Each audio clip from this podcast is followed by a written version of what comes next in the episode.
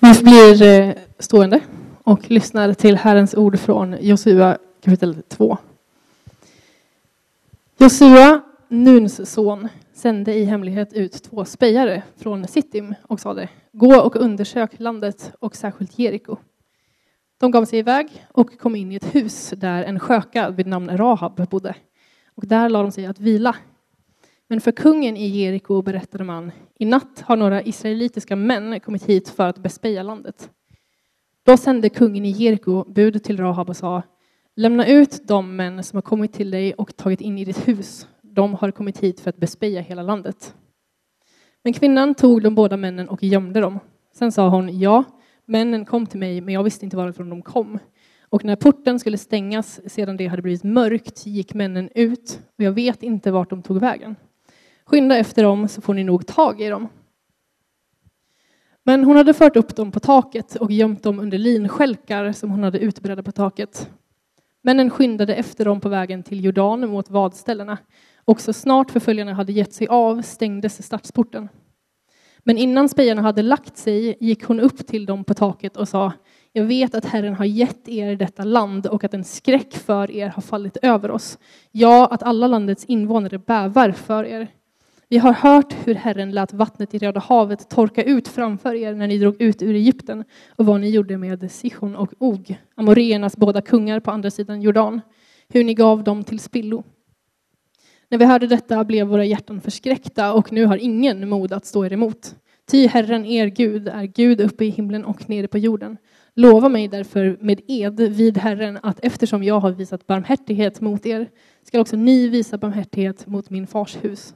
Ge mig ett säkert tecken på det och låt min far och min mor, mina bröder och mina systrar leva, liksom alla som tillhör dem och rädda oss från döden.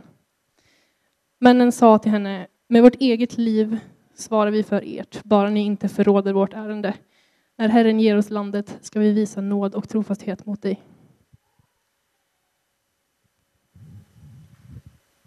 Och så läser vi från eh, Matteus evangeliet kapitel 1. Det här är berättelsen Jesus Kristus, Davids son, Abrahams son. Abraham födde Isak, Isak födde Jakob, Jakob födde Juda och hans bröder. Juda födde Peres och Sara och Tamar var deras mor. Peres födde Hesron, Hesron födde Ram, Ram födde Aminadab, Aminadab födde Naheson, Naheson födde Salmon, Salmon födde Boas och Rahab var, mor, var hans mor. Boas födde Obed, vars mor var Rut, Obed födde Isai och Isai födde David, kungen. Och till sist ifrån Hebreerbrevet kapitel 11 och vers 31. Genom tron undgick skökan Rahab att gå under tillsammans med dem som inte trodde eftersom hon hade tagit emot spejarna som vänner. Så lyder Herrens ord. Gud, vi tackar dig.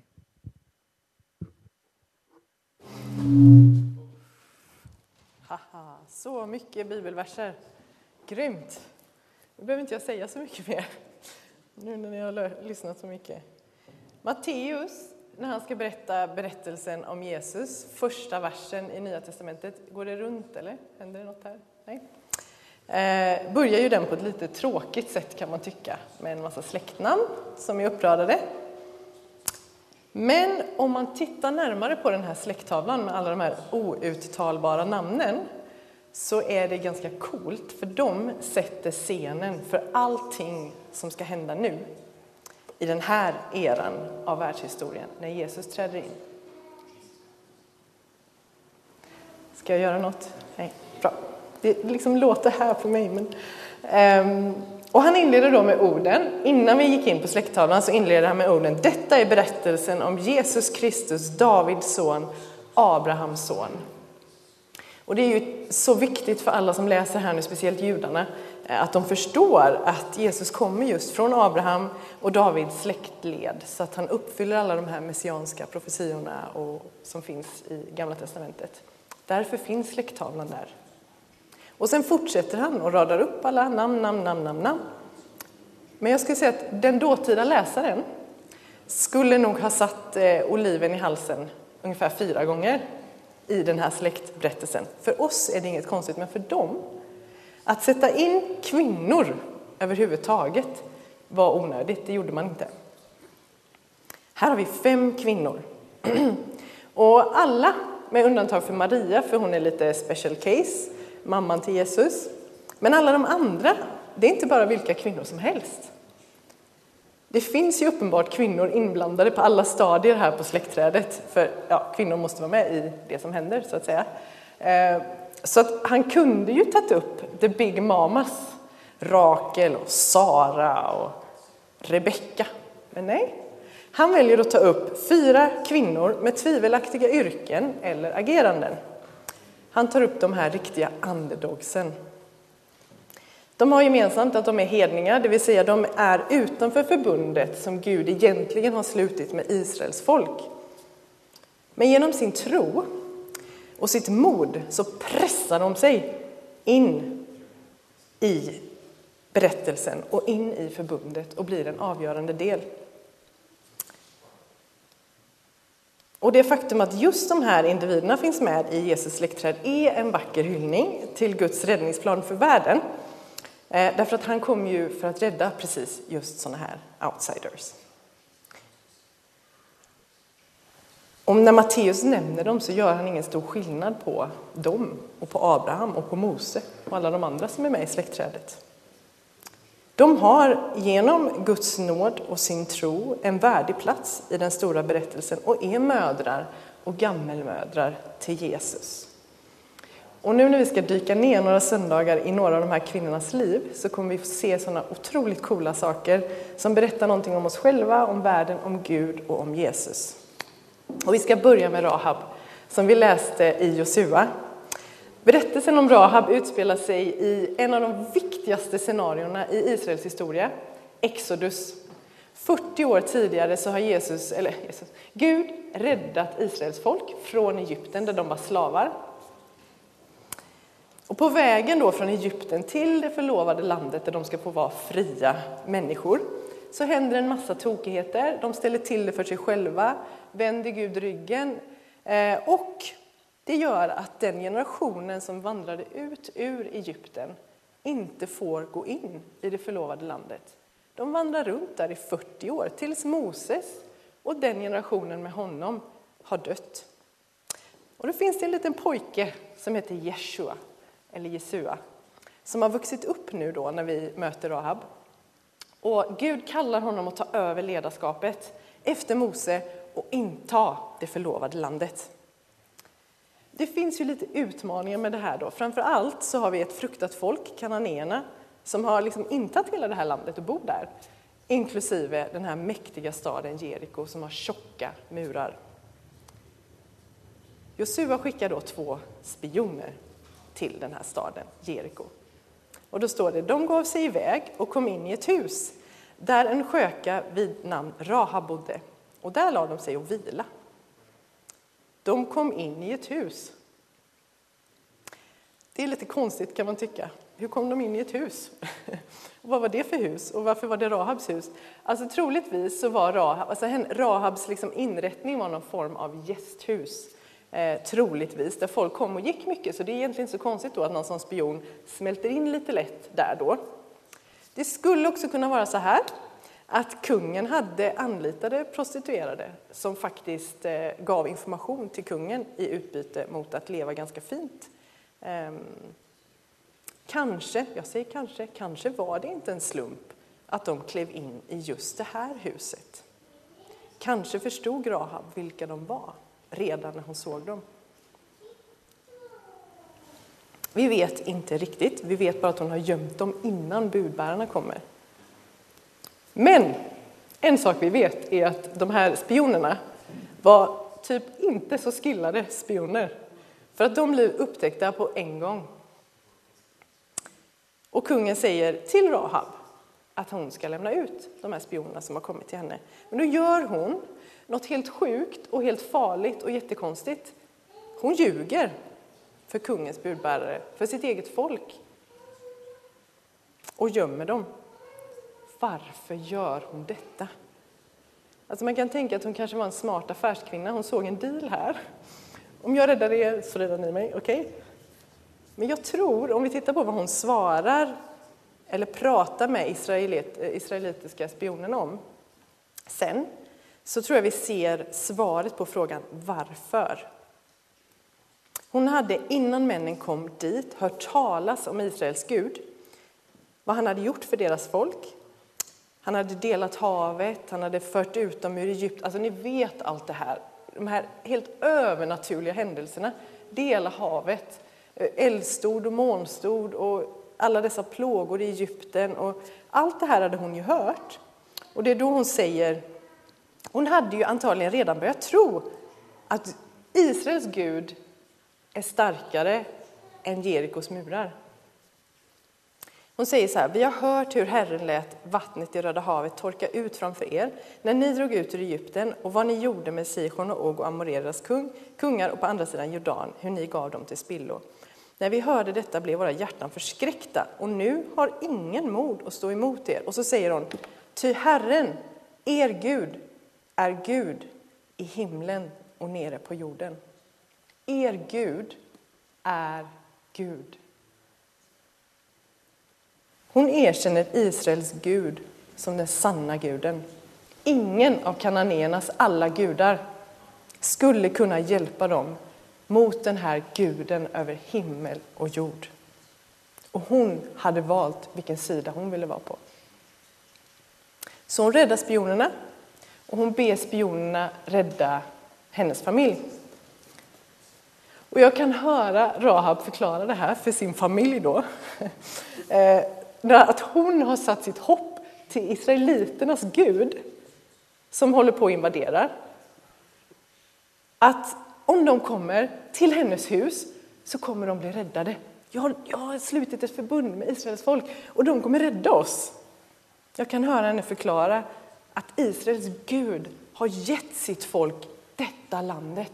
Det är kört, vi har ingen chans. Det är Israels Gud vi pratar om. Men jag har slutit ett förbund med Israel. Och när detta är över, då kommer jag vilja bli en del av deras folk. Deras Gud ska vara min Gud. Det står inte just så, men Rahab blir en del av Guds folk. Precis så som släkttavlan berättar. När Josua till slut går över Jordan, som också delar sig, eh, runt muren, spelar trumpet och allt det här konstiga som Gud ger dem instruktioner om, och muren faller, så blir ju Rahab räddad. Alla delar av muren faller utom hennes del och hennes familj blir räddad och hon gifter sig med en israelit och blir en del av det folket. Antagligen så gifte hon sig faktiskt med spionen som kom in. Hon blev då en avgörande del av hela frälsningsberättelsen och hon blev i den judiska traditionen en högt aktad proselyt, som det heter. Proselyt är då en hedning som sätter sin tro och sitt hopp till Gud och blir en del av Guds folk och de löftena som Gud har gett dem. Och det är otroligt att den här lilla konstiga berättelsen om en prostituerad kvinna blir en så viktig berättelse i den judiska historien och den kristna tron. Hon nämns på flera ställen i Hebreerbrevet tillsammans med Abraham, Jakob och Mose. När Paulus beskriver den tron som genom tiderna har räddat Israels folk. Och då står det ju Genom tron föll Jerikos murar sedan man hade gått runt dem i sju dagar och genom tron undgick skökan Rahab att gå under tillsammans med dem som inte trodde eftersom hon hade tagit emot spejarna som vänner.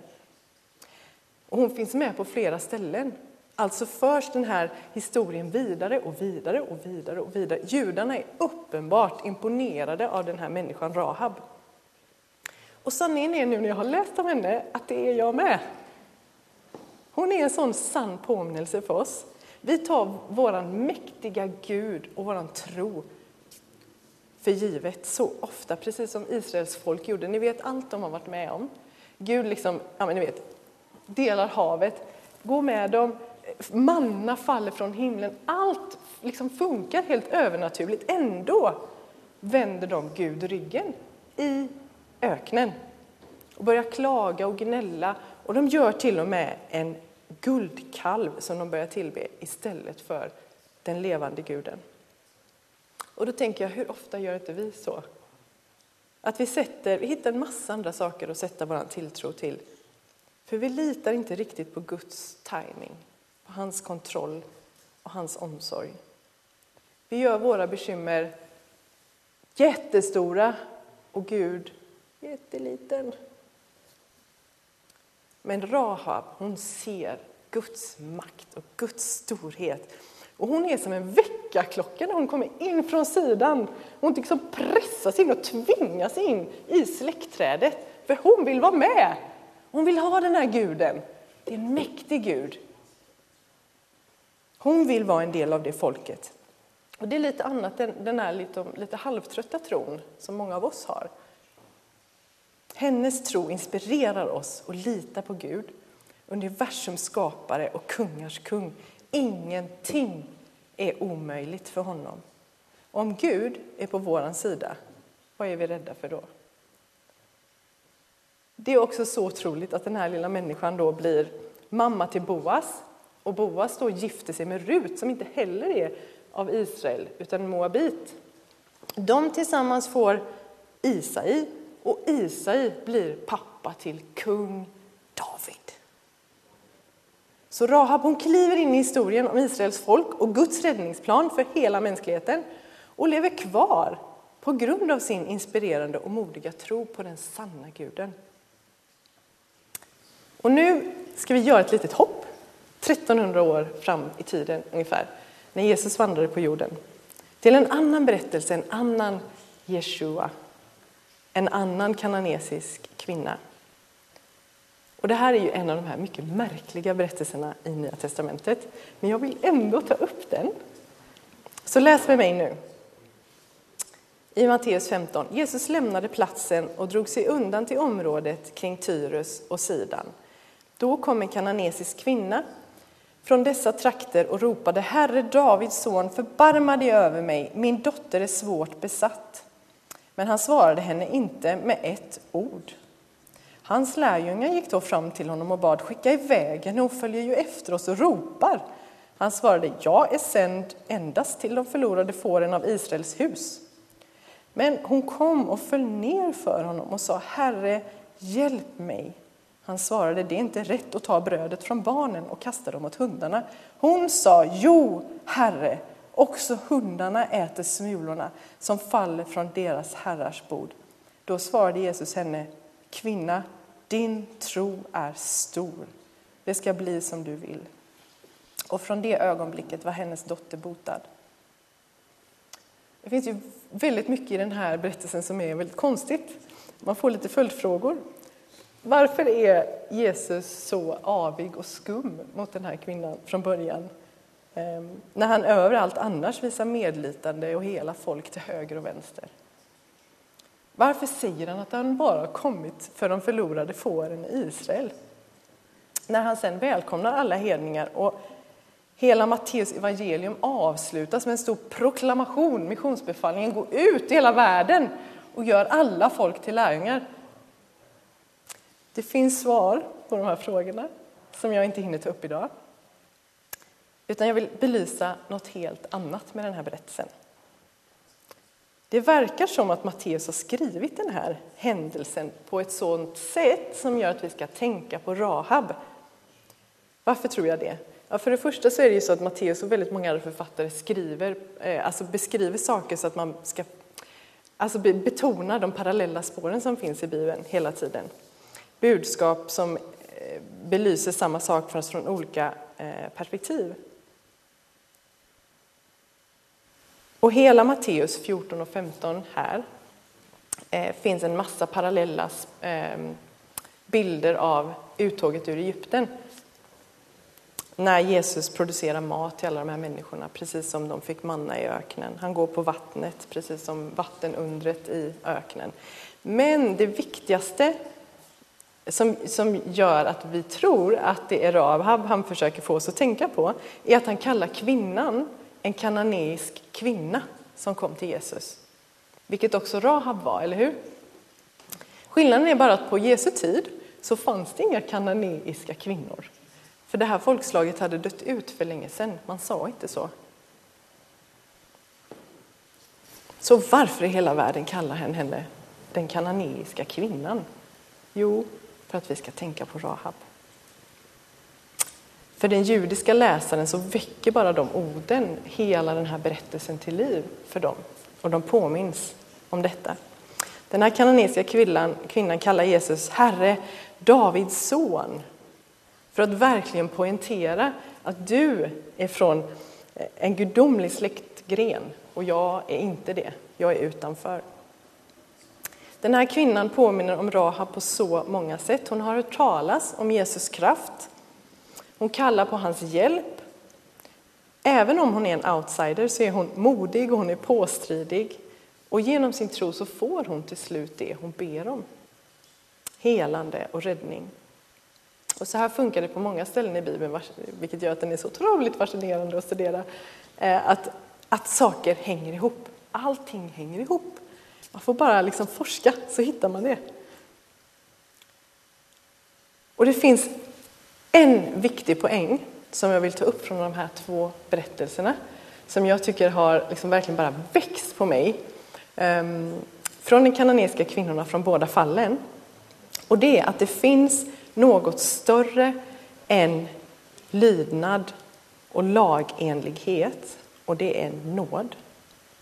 Det finns något etiskt högre än att hålla lagen och det är att agera på medlidande. Ska ni få se om ni hänger med mig här. Rahab var ju en del av det kananeiska folket som Gud hade befallt Josua att utplåna. Ja, jag vet, Gamla testamentet är blodigt och väldigt svårt att förstå. Dessa befallningar är ju eh, märkliga. Men eh, att predika om Israels historia, det får vi ta en annan gång. Det kräver kanske tio predikningar eller något. Eh, men så var befallningen. Och Rahab blir det första undantaget till den här befallningen. Det var inte tillåtet att göra undantag i det här scenariot. Men Josua visste att ännu viktigare än att hålla lagens påbud, ännu viktigare än att blint lyda, var att visa nåd och medlidande. Josua räddar Rahab för att Gud själv fungerar så. Och samma var det ju med den andra Jeshua. Det var ständiga och blodiga konflikter mellan Israels folk och andra folkslag på Jesu tid också. Ehm, mycket på grund av att judarna hade extremt strikta regler. Man skulle avvisa alla som var hedningar och inte beblanda sig med dem. Men Jesus, även om han är lite avig i början, avvisar ju inte den här kvinnan utan har medlidande med henne.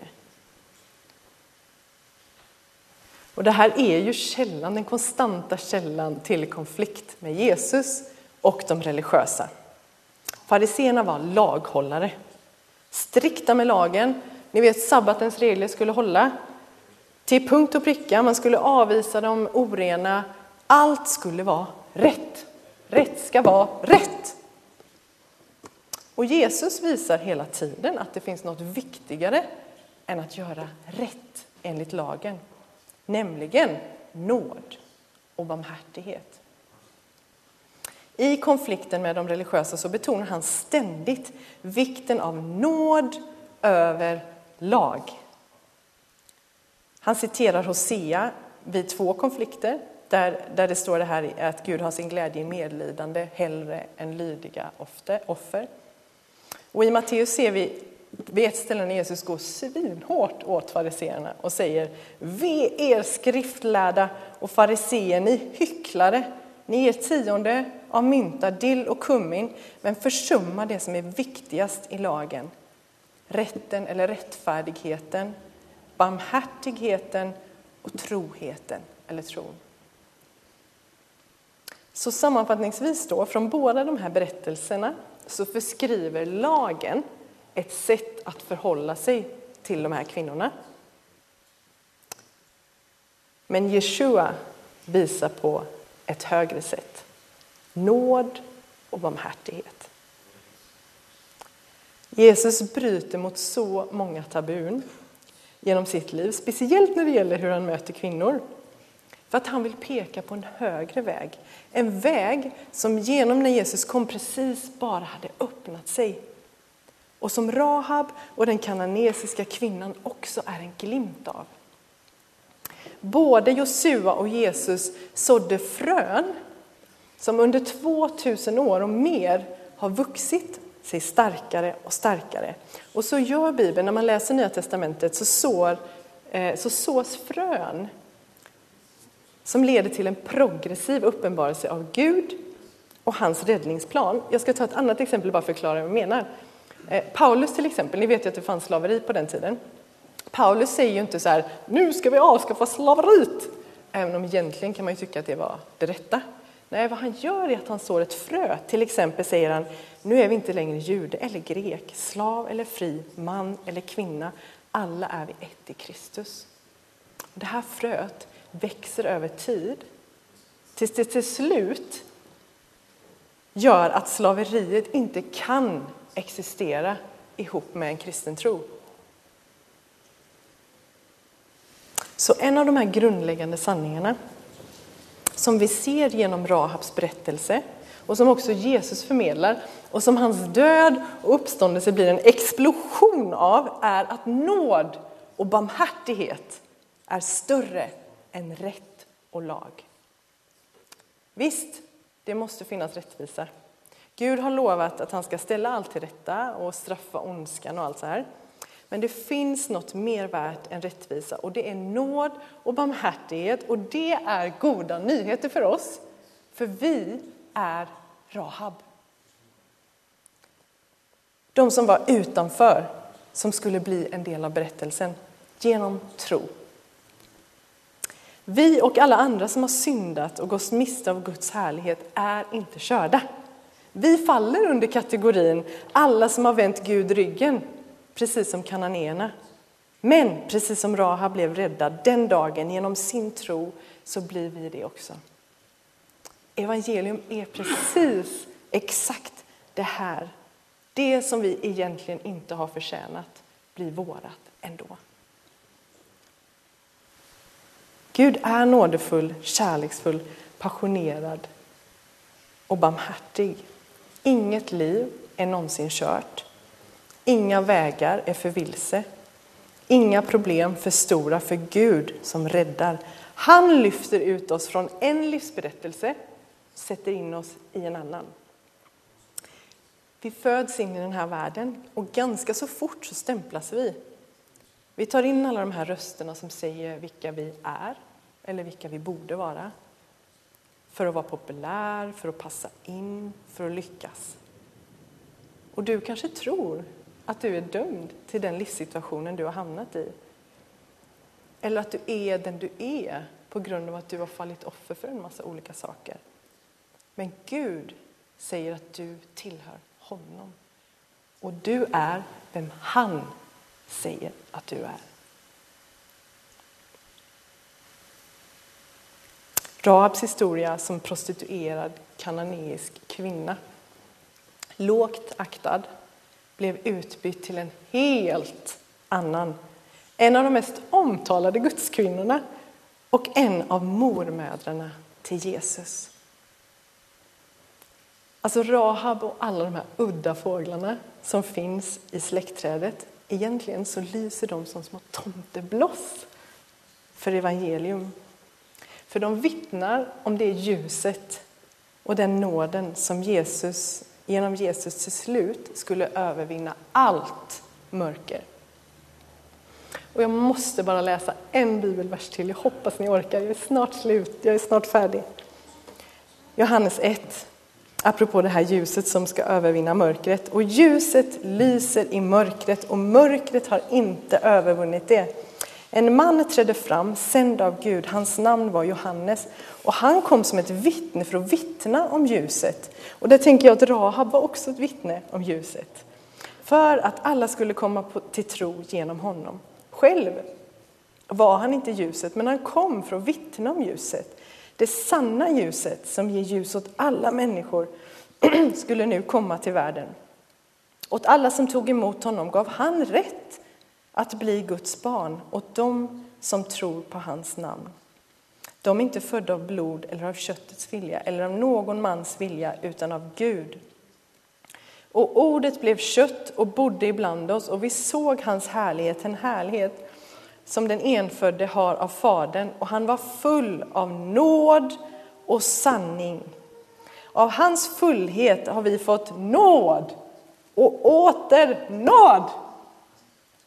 Till lagen gavs genom Mose, men nåden och sanningen kom genom Jesus Kristus. Redan innan den stora nåden skulle skölja ut över jorden så finns genom Israels historia små hintar om vad Guds hjärta är för världen. Allt i Bibeln avslöjar någonting om hans räddningsplan. Varje berättelse viskar namnet Jesus. Så nästa gång du läser om Rahab, tänk på att hon är där för din skull. För att oavsett vem du är, vad din mänskliga status är, så är du genom Jeshua, Jesus, en del av den stora berättelsen. Alla de löftena Gud har gett och som du läser om i Bibeln är till dig. Genom nåd och åter nåd.